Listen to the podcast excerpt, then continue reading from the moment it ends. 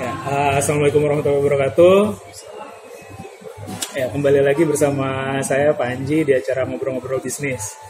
Kali ini bareng sama Kang Ahmad Gema, owner dan CEO nggak sih nggak sih?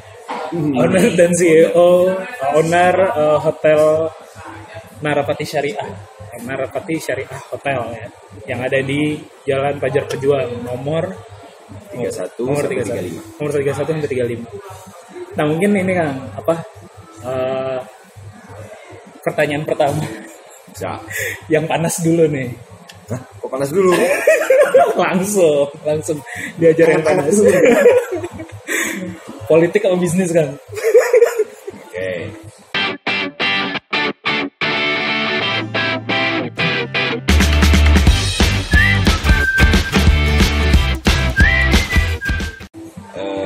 jadi seperti pada umumnya pebisnis biasanya punya mentor Eh, dan saya mencari mentor yang satu paket itu ternyata jarang.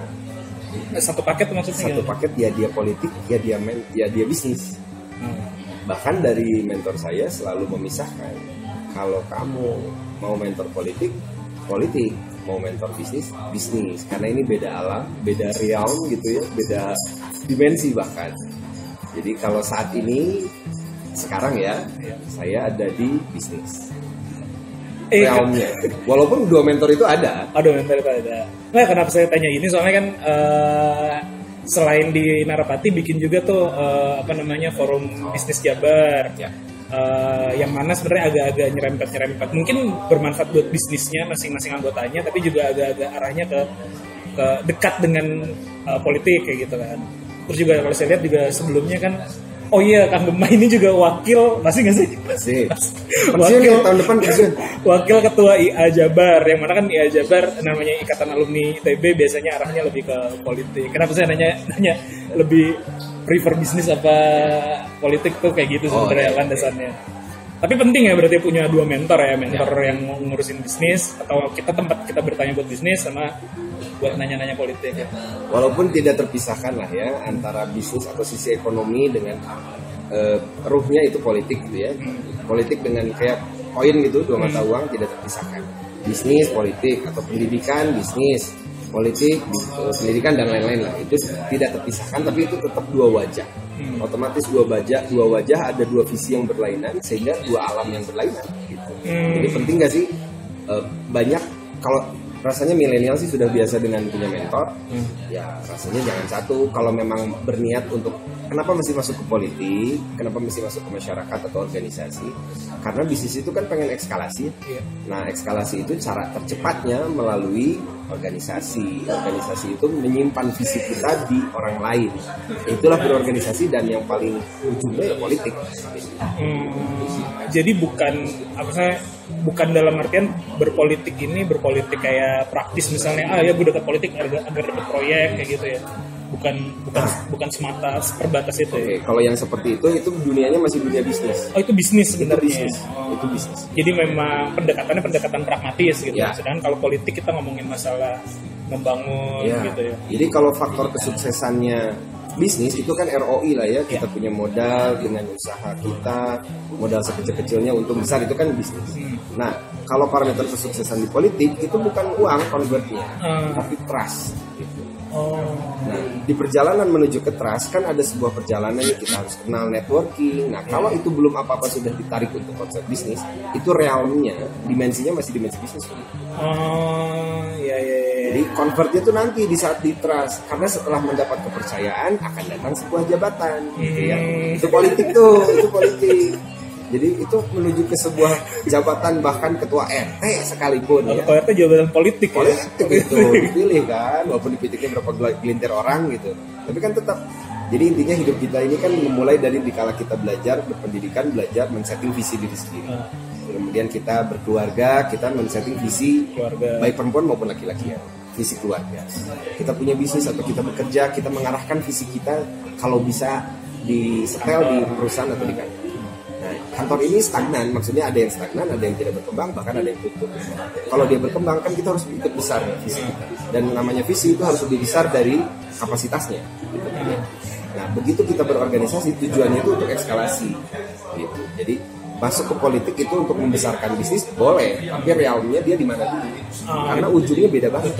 Jadi biar clear ya nggak Ya. biar biar kalau apa kan sekarang banyak tuh yang kayak tadi politisi-politisi muda baru ternyata nyari uang di politik gitu kan. Maksudnya ketika memang dia di- belum selesai dengan dirinya sendiri malah jadinya jadi jadi kayak kayak nyari uang gitu ya. Padahal itu memang dimensi yang berbeda kan. Ya. super super. Jadi yang satu eh, biar gampang gini yang satu berkarir politik itu karir kok.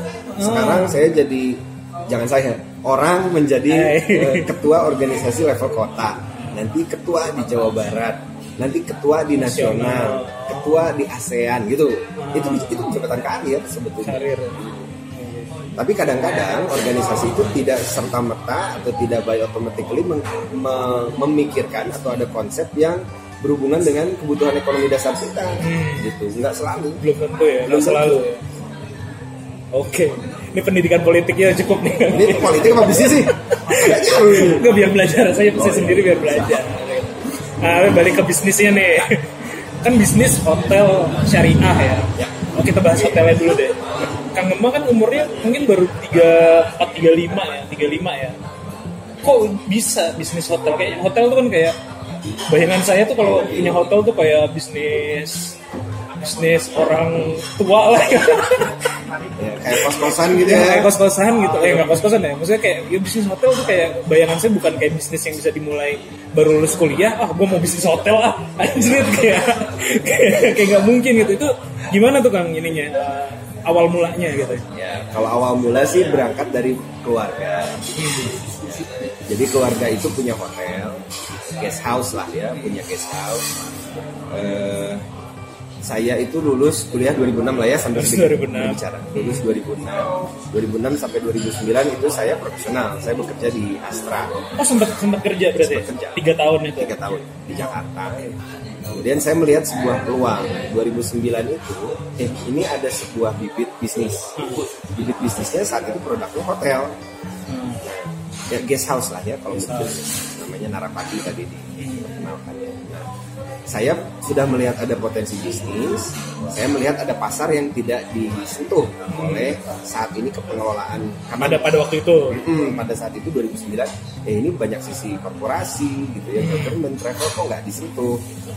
Ini tuh sebetulnya ceruk yang besar dan alhamdulillah dari satu coupling dari pelajar pejuang 35 menjadi pelajar pejuang 31 33 35 hmm, jadi dari berkembangnya jadi jadi tiga jadi dari 700 meter persegi dan 18 kamar jadi 2000 meter persegi 50 kamar eh, 45 meeting dan function hall restoran bisnis center gitu. Oh. dari awal mulanya dari situ dari ceruk pasar. Dan kalau saya sih awalnya sudah ada produk ya saya tinggal develop produk-produk baru aja gitu, dari keluarga basisnya Oh iya, berarti awalnya memang ada bisnis keluarga guest house gitu ya, hanya 18 kamar. Kang Gema 2009 masuk dan mengembangkan sekarang jadi berapa tadi 50 50 50 kamar gitu dan ada function hall-nya juga meeting room. Oh, berarti itu mungkin ini ya, mungkin pengaruh karena kerja juga kali ya. Jadi tahu bahwa corporate tuh kayaknya butuh Oh iya, iya. Hmm. Jadi dari mana sih saya tahu ada potensi konsumen dari luar, bukan dari saya sebetulnya dari SD sih ya. Kalau mau jajan itu orang tua tuh suruh kerja dulu, eh suruh eh, misalkan Bantuin Ah, gitu ya? bantuin, lu sana ngepel gitu. Karena kan karena lingkupannya housekeeping gitu ya dan anak kecil bisanya apa sih? Udah cuci piring, bukan cuci piring di rumah, cuci piring Di hotel. Jadi gue tanya deh, lu tahu jenis lap ada berapa? Biar simpel ya. Eh, nggak tahu. Oh, Itu kan ada yang kelap kanebo, untuk Oh, iya. marble, Iya, lantai, untuk kaca, beda-beda tuh. Oh. Itu sampai tahu gua. Karena dari kecil dari SD tuh minta uang jajan tuh begitu ya mungkin. Syaratin ya. Syaratkannya ya kadang-kadang versi hafalan Quran gitu ya. Itu yang mungkin menjadikan syariah hotel. Alhamdulillah. Tapi eh, kalau untuk jiwa bisnis tuh ditanamkan sedari kecil karena begitu gitu. Ini tuh ada sesuatu. Tapi kalau mau dapat sesuatu lo harus berusaha gitu. Ya, jadi saya anak bungsu yang tidak dimanja lah. Ini kalau ada yang nonton keluarga mohon maaf ya. Anak bungsu yang tidak dimanja. Ntar maksudnya- bisa keluarganya bisa diklaim ya. Ini manja banget. Jadi ya gitu, memang dididik untuk nomor satu bahwa yang ditanamkan yang sedari saya tangkap lah ya pengusaha itu selalu ada satu nilai ada nilai sama nih antara sesama wirausaha. Adalah struggle gitu. kondisinya seperti apa pun yang diajarkan itu survive how to survive how to struggle. In any condition Berarti mulai ibaratnya baru nyemplung ke manajemen hotel itu di 2009 berarti ya. 2009 itu lang eh, langsung bikin terobosan-terobosan gitu tadi ya. jadi 2009 ke 2014 itu saya GM digaji seperti ini GM General Manager. general manager nah di perjalanan saya konsepkan karena ini bisnis keluarga jadi bukan bisnis tapi waris itu beda banget kalau waris mungkin kalau yang orang Minang tahu ada pusako tinggi ada pusako rendah gitu ya. Pusako tinggi itu nggak boleh dijual. Jadi asetnya nggak boleh dijual ini sudah tujuh turunan dipertahankan. Entah gimana caranya pokoknya kelola deh jangan sampai rugi gitu lah ya. Untuk kebermanfaatan tuh sama it- Narapati pun pada awalnya bisnis kayak waris. Waris ya. nah menjadi bisnis itu di tangan saya. Oh, oh beda konsep waris dengan beda konsep-. Jadi kayak waris lebih kayak aset dititipin aja Ya, nanti ini- nggak boleh dijual-jual gitu. kayak waris contoh waris nama ya misalkan saya putra Jenderal Sudirman dengan segala hormat gitu ya kalau saya buruk eh, nama Ke atas. Ah, ah, kan akan ke bawah buruk ya. Jadi waris itu sesuatu yang diturunkan melekat dan tidak akan pernah bisa dilepas. Makanya banyak kesalahan proses bis- eh, sorry, model bisnis perusahaan keluarga di Indonesia tidak berkembang karena dia bukan mentransfer knowledge bisnis, tapi yang ditransfer knowledge adalah waris. Jadi terlalu banyak Oh iya iya iya. apa iya. ya, terlalu banyak eh, sentimen. Iya, jadi tidak profesional Yes, ya. jadi ini tuh dulu saya belinya tuh dengan ayah saya gitu ya. Ini tuh hasil Ada emosinya yang main bermain di situ. sentimen. Padahal itu tuh sudah tidak sesuai dengan perkembangan zaman. Misalnya Iya, tuntutannya konsumen sekarang pengen kasurnya tuh yang sudah untuk tulang punggung, Iya, yang pakai kapuk misalkan. Panji tahu nggak ada kasur dari kapuk? Tahu ya? Tahu Tahu ya. dulu. Cuman bukan sekarang udah harusnya pakai Ya, sekarang udah enggak. Kalau di Narpati enggak ya. Ini contoh. Jadi nginep di Narapati makanya harus coba. Gue belum pernah juga. Atau setidaknya nyobain kafenya. Ah, iya. Atau pakai bangketnya. Lanjut lanjut. Ya. Jadi bisnis dan waris itu hal yang berbeda sama seperti politik dan bisnis ya. Nah, bisnis pun ada cabangnya, ada family business. Family business kalau yang ditularkan ya adalah waris itu yang bahaya sebetulnya kalau memang Makanya banyak bisnis yang collapse karena bisnis keluarga itu nggak bisa menyesuaikan ya. betul. Karena jangan memakai sentimen. Jadi misalkan, wah ini kita udah rugi nih bisnis. Udahlah saatnya kita ber, Ganti. beralih, bukan hanya diversifikasi, bener-bener di shop kita ganti bisnis yang lain gitu ya, belok gitu. Nah kalau waris kadang-kadang saya karena diamanatkannya untuk mempertahankan ini, Apa pun. ya apa pun dia sudah tua tidak direnov, misalkan ya lini bisnisnya masakannya gitu-gitu terus sampai kapan tidak berani menginovasi apa pun karena ada sentimen pribadi itu yang typically perusahaan keluarga kalau membawa nilai waris agak susah. Gitu. Nah, kesulitannya gimana tuh Kang? Ketika misalnya ini kan dipercaya dari jadi GM lah ya waktu itu. Cuman kan dalam kalau bisnis keluarga ya namanya ya ini anak muda baru anak bungsu lagi nggak tahu eh, orang tua eh, ke, ke berapa anak berapa? Anak keempat dari empat. Nah berarti kan udah paling bungsu bungsunya lagi gitu kan berarti kayak ini anak bau kencur bisa apa sih? Eh, meyakinkan ke keluarga besar berarti ya. Itu gimana tuh nah untungnya ada sebuah nilai profesionalitas saat itu masih waris ya. Ada sebuah nilai profesionalitas di mana kalau ada yang eh, bekerja mau itu paman saudara adik putra owner harus ada kontrak. Nah, saat itu karena kebetulan spesifikasi saya kualifikasi saya pas. Nah, dengan itu saya mensyaratkan pas ini dalam artian eh, background sekolahnya atau di TI nyambung gak ya? Ya TI kan ya, ya manajemen lah ya. manajemen. tapi ya kurang lebih kualifikasi masuk. Jadi kepercayaan dimulai memang tumbuhnya seiring dengan saya harus menunjukkan karya nah saat itu yang menarik adalah saya tidak perlu digaji saya. Tapi unsur gaji itu mohon ditambahkan ke waris eh sorry ke saham. Ah. karena mereka tidak mengenal saham. Kalau yang namanya waris kan dibagi sesuai dengan aturan waris ya. Oh iya iya Jadi, iya. oh oke. gitu. Nah, itu saya bilang saya kan proyek. Maksudnya saya ada beberapa zaman kuliah kan kita biasa proyeknya dengan dosen dengan apa gitu. Itu yang dilanjutkan di organisasi. Nah nggak apa-apa gitu. Eh, saya minta sekian slot gaji saya pakai untuk saving terserah. Tapi saya dapat saham yang saham ini akan saya buat untuk sebagai holdingnya Narapati. Begitu sudah cukup ini Narapati akan saya miliki. Itu yang merubah dari waris menjadi bisnis. Jadi memasukkan di dalam nilai-nilai bahwa profesionalitas itu tidak harus selalu pemilik kok. Iya iya GM itu tidak harus selalu putra, saudara owner atau yang dipercaya secara kedekatan. Profesional saja. Saya mengenalkan dengan itu berkorban memang ya lima tahun itu saya eh, gajinya nggak terlalu gajinya tidak tidak sama dengan bahkan GM-GM sebelumnya gitu ya tapi saya membuat eh, sebuah holding eh, dan itu state itu akan holding holdingnya ini akan memiliki saham di memiliki Narapati di Narapati. gitu. dan saat ini holding ini sudah 100% memiliki Narapati Uh, 100% memiliki 100% jadi yang mana holding ini juga sebenarnya ada saham di situ saya cuma 25% oh, tapi ada keluarga juga Ada yang lain, ada. Oh, iya, iya. jadi Narapati Jadi nge-transisi dari yang tadinya bisnis waris gitu jadi benar-benar Ya. profesional gitu ya. Oh bahkan sebelum-sebelum itu tidak ada kepemilikan ini ya. Baru tahu juga tidak ada tadi ya. Maksudnya tidak ada nggak kayak perusahaan kan ada share ini sekian, ini sekian, ini sekian gitu. Oh. Tapi dibagi berdasarkan waris ya. berdasarkan Hukum waris, ya. hukum waris Misalnya Hmm. putra laki-laki dapatnya sekian, putra eh apa yang perempuan dapatnya setengahnya. Nah, itu kalau di bisnis waris eh sorry kalau di waris biasanya begitu tuh pemiliknya segitu aja porsinya gitu padahal dikala untuk setoran modal awal gitu ya namanya retain earning atau modal kerja Iya, modal kerja. kadang-kadang nggak setor gitu ya karena nilai profesionalitasnya belum fix kan. Nah dengan kan ini mau tidak mau harus mengalihkan kepemilikan sebenarnya nah caranya pelan-pelan gitu. Jadi saya mengenalkan bagaimana caranya bahwa Narapat ini punya orang lain. Walaupun itu diri saya sendiri juga tapi dikala ini sudah menjadi diri saya sendiri kan bisa dijual saham ke orang Iya, lain. Jadi bedanya kalau orang mungkin sudah konsep saham sedari nol kalau saya ini sudah existing Udah existing bisnisnya. Nah, pada kebanyakan di Indonesia banyaknya mewariskan sebuah usaha Oh, bukan baru tahu saya konsep kayak Ya. kayak gini ya. Berarti ini juga ya. Tapi secara ada resistensi nggak dari keluarga? Eh, sampai saat ini berarti ada nggak apa? oh eh, kalau saat ini enggak maksudnya sampai saat ini ada nggak yang apa? Yang tadinya adalah ahli waris gitu ya, tapi tidak memiliki saat ini jadinya. Karena, Eh. karena tadi ya, misalnya tidak tidak ada kontribusi uang atau tidak ada kontribusi kerja atau apa. Alhamdulillahnya sampai saat ini eh, tidak ada yang sampai tidak memiliki, tapi porsinya saja yang jadi mengecil. Oh jadi tet- tetap dijaga bahwa ini adalah bisnis keluarga tapi dikelola secara profesional. Ya, eh, keluarga juga nggak sepenuhnya lah ya mungkin ya. Jadi akan tetap ya mayoritas masih keluarga, tapi porsi mereka dipertahankan lah. Itu mah kedekatan saya pribadi.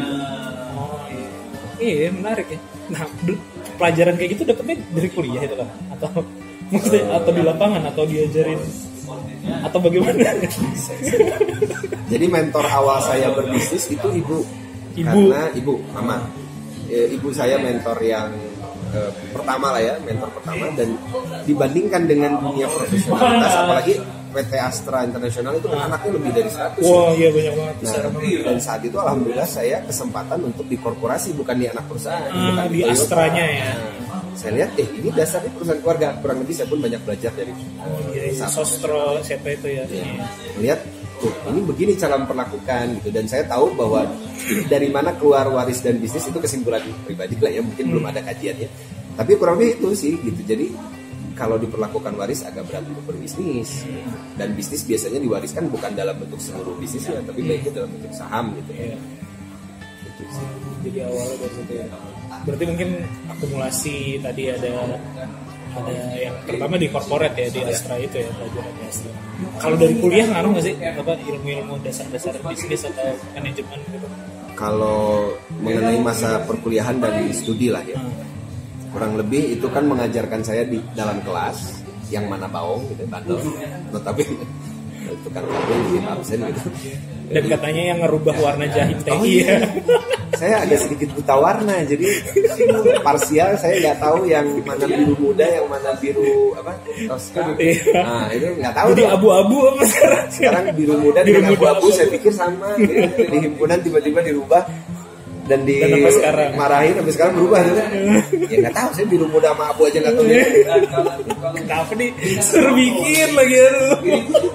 saat itu ditinggalin sendiri di Bandung sih jadi Iya, iya. di masa studi atau kuliah SD SMP SMA saya selalu membagi dua bahkan dalam kehidupan sekarang ada yang untuk eh, kausalitas gitu ya jadi sebab akibat ya ini tujuan saya kuliah adalah untuk dapat sebuah ilmu formal ada yang non formal dalam proyek dalam bisnis ini yang sisi tertulis ini yang non teknis itu kan? Selalu ada ya? Iya. teknis non teknis teknis non teknis gitu. non teknis kadang-kadang em, coba. Ya, di lapangan lah. ya kadang-kadang susah untuk diramu kan ya? Ditulis di COGS ya susah lah susah gitu.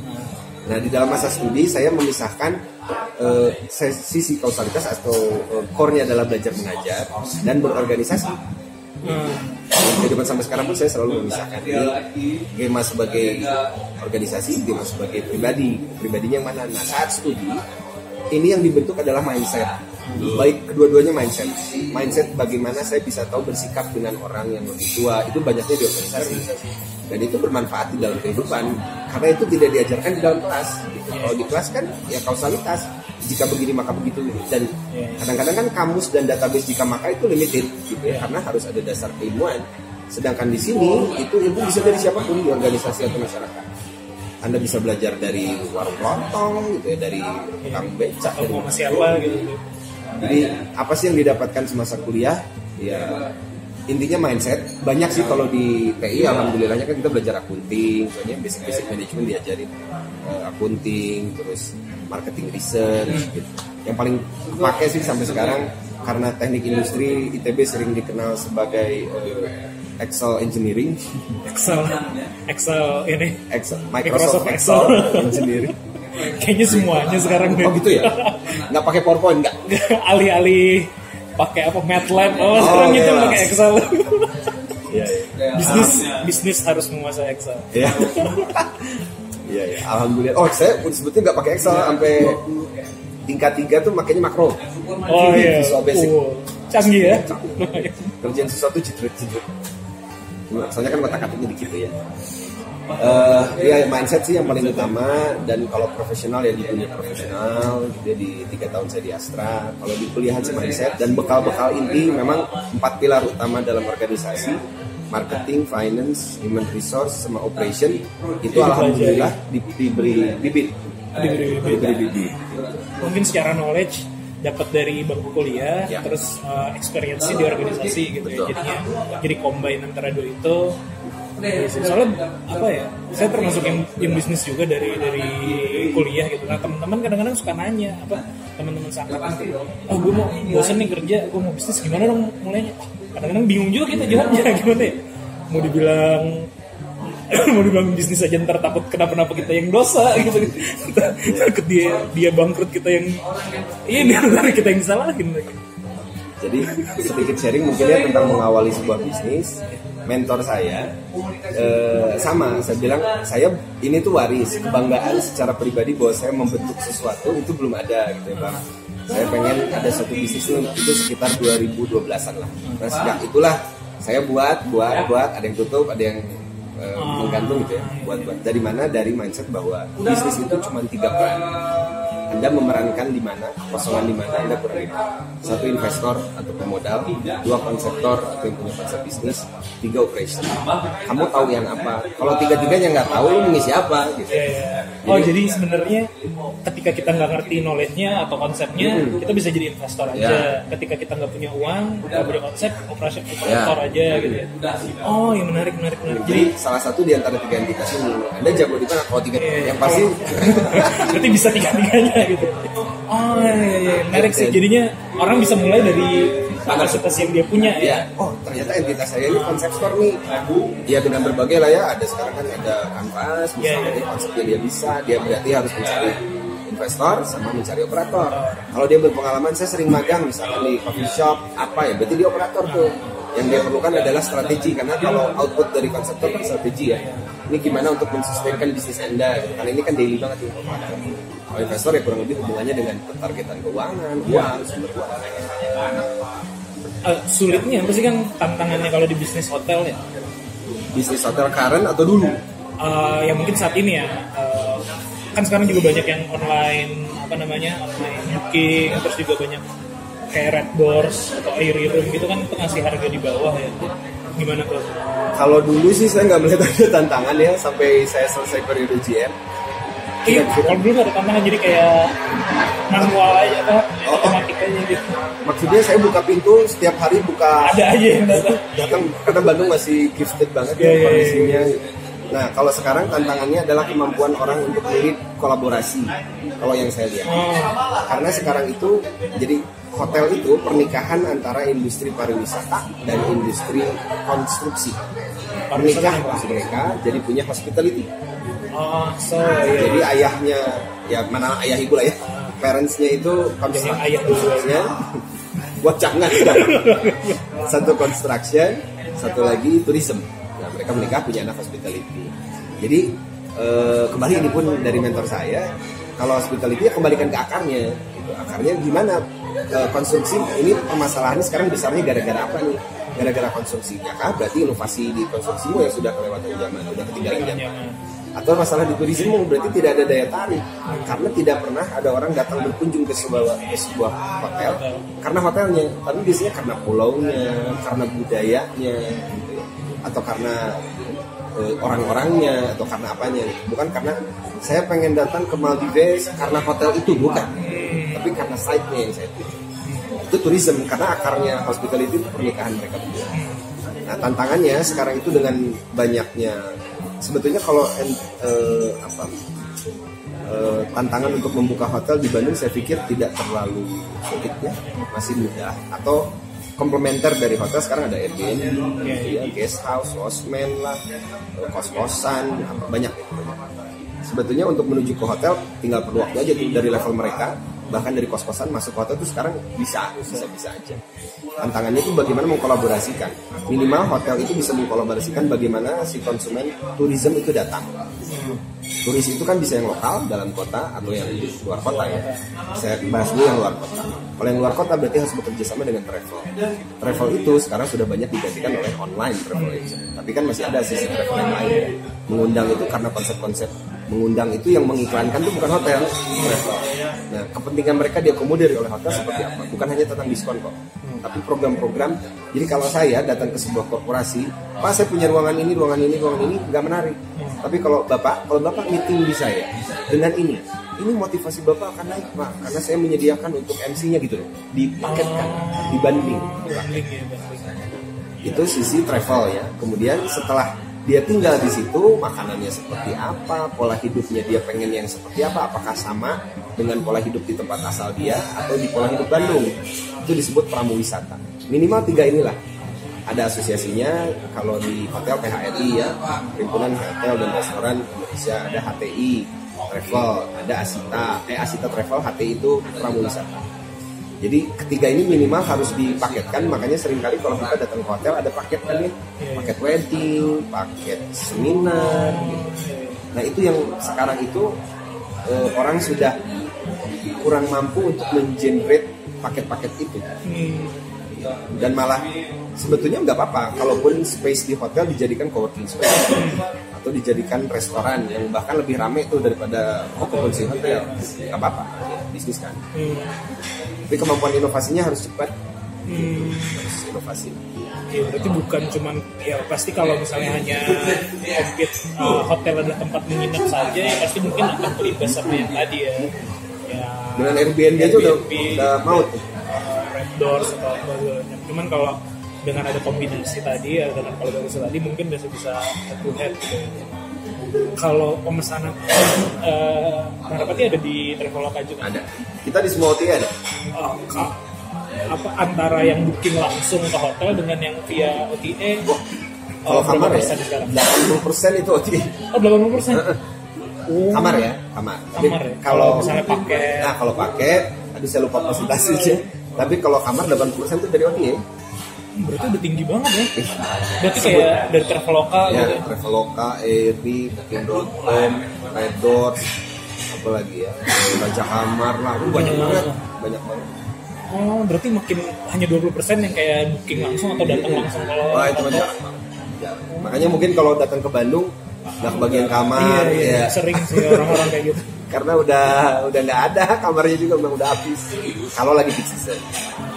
Kalau pas low season itu ini eh, biasanya kalau dari bisnis hotel itu weekend yang paling tinggi atau bisnis hotel harusnya kalau di Bandung itu weekday harusnya tapi eh, rata-rata weekday? ya kalau Karena- bisnis ya kalau bisnis oh iya iya. kalau yang eh, memang pangsanya family atau leisure gitu ya itu weekend dan Bandung sebetulnya tidak perlu ditargetkan untuk leisure itu pun sudah eh, Jumat Sabtu Sudah pasti ya? sudah pasti Udah pasti. sudah pasti Oke kan. Nah, mungkin sebelum terakhir nih kan apa? Ini kan uh, oke bisnis hotelnya kurang lebih kayak gitu ya dari sisi manajemennya dari sisi tadi perkawinan antara konstruksi dan apa namanya pariwisata ya jadi lahir hospitality. Nah uh, kenapa ada syariahnya? Baru 2009 itu kah atau dan apakah itu marketing atau nilai apa yang ada di situ? Jadi sebetulnya 2012 ya Narapati mendeklarasikan diri sebagai syariah hotel pertama di Kota Bandung. Oh pertama ya 2012 hotel syariah di pertama Kota Bandung ya. Kalau di nasional ada sudah ada yang lain. Tapi kalau di Kota Bandung itu baru kita. Jadi pertama kali mengannounce dan memperkenalkan ke, ke dunia perhotelan ada preferensi pilihan syariah hotel. Dari mana kita dapatkan ini convert dari syariah banking. Jadi saat itu lagi lagi booming boomingnya kalau nggak salah BCA gitu ya, bank-bank itu baru buka bikin syariahnya ya. Jadi niaga ada niaga syariah, permata ada permata syariah. Gitu. Nah kita lihat kita pelajari ini syariah itu apa? Intinya syariah itu di akad. Jadi ada Islamic tourism, ada syariah tourism. Saat ini yang lagi ngetren halal tourism. Kalau syariah tourism itu ada lembar edukasi namanya akad lah ya. Jadi tamu itu kita beredukasi sekaligus diminta komitmennya. Di sini tidak menerima pasangan non muslim, misalkan tidak mengkonsumsi dan tidak menyediakan makanan minuman mengandung alkohol. Ada logo halal. Dan itu di 2012 berarti kan sekitar berapa? Tiga 6, tahun. 6 7 tahun. Eh, bukan 2012 kan. Sekarang 2019. Oh 19 ya. Berarti Keren dari 2009. berarti 7 tahun sekitar 7 tahun. Yang mana sebenarnya kan waktu itu belum terlalu ah, oke lah sekarang tuh rame kan sekarang apa syariah, hijab bahkan hijab hijab halal itu kan.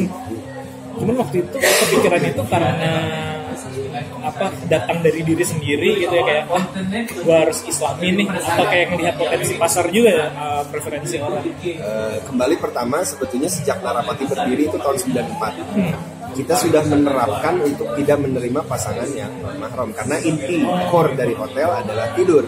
Iya, iya. seperti mak in core dari makanan adalah kenyang. Kenyang, ya.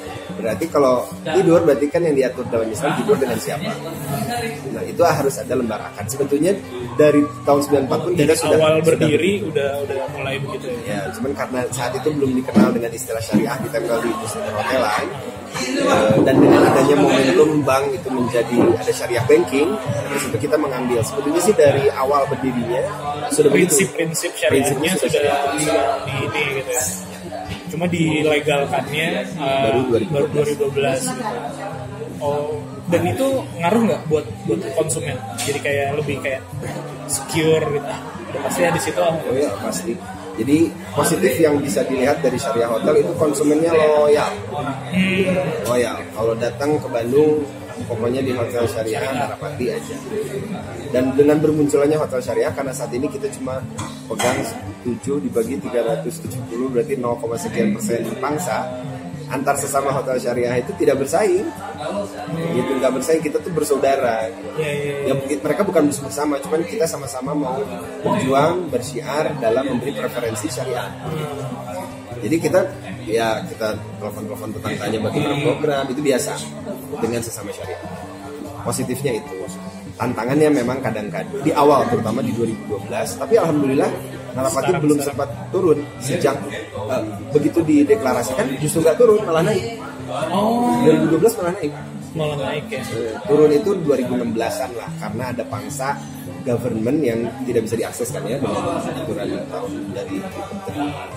oh karena ya waktu itu sempet ya dari Ah, tidak boleh PNS. iya iya iya iya. itu ngaruh tapi kita sudah pindah ke pangsa karena pak government gimana pun kan megang Megang, ya. ada pangsa ya pangsa itu nol jadi sempat turun tuh 2016 Iya sih. Kalau sekarang kan memang preferensi orang bahkan kayak tadi ya perbankan orang juga udah mulai kayak syariah kayak Asuransi. asuransi udah mulai kayak bukan cuma sekedar makanan ya nyari makanan halal tapi kayak mau bahkan KPR aja KPR yang syariah gitu pengennya. Kayak memang eh, apa apa ya istilahnya ya, nuansa keislamannya naik ya. trennya lagi Trennya lagi ini ya orang-orang lebih lebih lebih arahnya ke situ ya. Ya, mungkin closing kan. Kira-kira kalau buat yang baru mau mulai bisnis gimana mulai bisnis hotel? Oh hotel jangan jangan. Bisnis apa pun lah ya gimana cara mau mulai bisnis. Dan terus uh, itu kan berarti termasuk uh, apa ya futuristik juga ya kalau dikatakan Narapati. 2012 belum belum terlalu ini akan nama syariah gimana ngelihat peluang yang nanti nih berapa tahun ke depan lagi gitu ya? Oh sorry, sebelum ke closing ya, kita ngambil teori waktu itu ngambil konsultan dari Singapura Oh, untuk iya? menerjemahkan tentang eh, kita mau ngambil sebuah inovasi terobosan. Waktu itu kita pakai teori apa eh, Blue Ocean and Ocean ya, yang pakai grafik. iya iya iya ngelihat mana yang masih Nah, yang masih Ocean nih. ceruk itu, oh ini nih, bangsa ini gitu, bangsa loyal, bangsa halal, bangsa yang dan sekarang terbukti kan bahkan beberapa startup tuh memang nge- nge-branding halal tourism nih dan itu kayak baru 2 tahun ini sekarang Narapati mulai 7 tahun. Jadi 2012 kita memperkenalkan di Bandung, 2014 ada Permen nomor 2 tahun 2014 baru diakui negara. Jadi kita mendahului negara. iya men- men- meliding berarti ya Iya. meliding oh keren keren keren. Ya, closing mungkin? Iya iya iya. Eh, bagaimana cara memulai usaha. ya usaha buat yang baru memulai terus juga Nomor satu, saya pikir wirausaha, kewirausahaan dulu ya. Entrepreneurship itu bukan mata pencaharian, itu bukan eh, profesi, tapi sebuah mental. Kalau dari mental Anda sudah siap untuk melepas semua tanggungan yang mendap yang memikirkan eh, keberlangsungan hidup Anda, maka Anda menjadi wirausaha. Tapi menurut saya kan berasal dari kewirausahaan ya. Kewirausahaan itulah bekal seorang wirausaha. Kalau belum punya mental, gimana mau kita menjadi wirausaha? Jadi prinsip nomor satu kewirausahaan adalah komitmen. Komitmen untuk mendisiplinkan diri, komitmen untuk belajar, komitmen untuk selalu mau tahu dia belajar juga lah ya. Sama, Eh, sama komitmen untuk mengembangkan diri. Jadi saya pikir eh, berawal dari kesadaran tentang diri sendiri dulu dan belajar untuk menulis kita mau ke mana gitu ya? Kita ini sudah punya apa? Kita menuju ke mana? Banyak bergaul dengan orang yang tepat di lingkungan yang tepat Eh, banyak. Ya jangan batasi hanya dengan orang-orang tertentu. Jangan inklusifkan diri eksklusifkan diri. Tentunya ini sudah harus ada batasan umur kedewasaan kan ya yang menontonnya jadi ya kalau ke sembarang orang tapi dia belum siap untuk bermasyarakat itu bahaya jadi nomor satu sih untuk memulai usaha mohon mental dulu. Karena ini bukan tentang mencari uang. Justru setelah Anda punya mental kewirausahaan, mangga untuk berwirausaha. Karena dengan Anda profesi di KTP gitu ya, Anda berwirausaha, Anda melepaskan label jaket Anda sebagai PNS, jaket harapan orang tua Anda sebagai pekerja di konsultan luar negeri, di tambang minyak luar negeri, sebagai PNS atau BUMN gitu. Anda harus melepas semua yang ditanamkan dikala mental itu sudah ada. Itu mungkin pembekalan secara rohani. super sekali Nah, mengenai awal mulanya dari mana, mungkin bisa dicoba dari bagaimana saya mendapat pengetahuan tentang bahwa peran bisnis itu yang investor, konsumtor, eh, operator. Untuk yang nol banget, mungkin ya banyak sharing, banyak ikut pelatihan, tapi harus ada kalau tidak diajarkan mengenai ini kurikulumnya apa, Anda terjemahkan aja. Ini pembekalan apa sih? Gitu ya. Pembekalan untuk menjadi konseptor kah? Pembekalan untuk menjadi operator kah? Pembekalan untuk menjadi investor kah? Karena harus clear. Ini apanya? Ini ini mungkin eh, beririsan tapi tidak eh, malah tidak beririsan ya tentang yang finance, marketing, operation itu hal yang lain. Itu hal yang lain. Yang penting itu dulu Anda ini sudah kekuatan Anda karena saya yakin saya eh, sekarang bisa dibilang ah Kang Gema kan punya hotel dari nol tapi saya 2009 itu eh 2006 tuh nggak mau hotel inti saya bukan di sana. Saya menjadi karyawan di perusahaan yang multinasional. Jadi kadang-kadang itu tidak disadari gitu setelah saya jalan baru tuh oh iya juga ya. Kayaknya ke sini. Hmm, jadi maksud saya eh, yang apa ya yang menentukan hidup kita kan ya kita sendiri. Terus kadang-kadang kita tuh suka mendinaya tuh. Menolak. Menyampingkan modal yang sudah kita miliki. Karena kita pakai standarnya standar orang. Iya iya standar orang tua. Padahal yang tahu diri kita ya diri kita sendiri. Iya, iya. makanya yang nonton sudah harus dewasa. Bukan dari umur karena banyak yang sudah berumur tapi tidak dewasa. Eh, itu berangkat dari memetakan mungkin tiga aja ya biar Iya, iya, banyak. satu tentang rohani satu tentang eh, apa dipetakan lah. Ya. modal diri ya. Yang ketiga lepaskan rasa malu. Di sini juga ya. Start itu mulai dari start itu mulai dari kegagalan. Jadi begini polisi saya beri mohon maaf ke polisi tapi polisi itu baru eh, naik mobil orang naik mobil itu baru ngeliat aja nih orang kayaknya nggak punya sim deh. Feelingnya udah dapat kan? Ah, terus itu dari mana ya? Dari mana? Dari pengalaman. Jadi jangan takut gagal kalau pengen berhasil ya harus gagal Iya. anda nggak akan berhasil kalau belum merasakan gagal jadi pak polisi dengan segala bagaimana anda bisa tahu orang ini kayaknya copet ya bukan karena anda pernah menjadi copet ya bukan tapi karena anda sering sekali berpengalaman entah dicopet entah berhubungan dengan copet gitu ya tipikal copet Nah, ah, udah banyak pengalamannya. Jadi jangan takut mencoba. Kegagalan itu hal yang pasti. Tapi sukses pun hal yang insya Allah dijanjikan. Mantap Ya itulah. Ini jadi motivasi gini ya. Padahal sharing ya. Gimana tuh?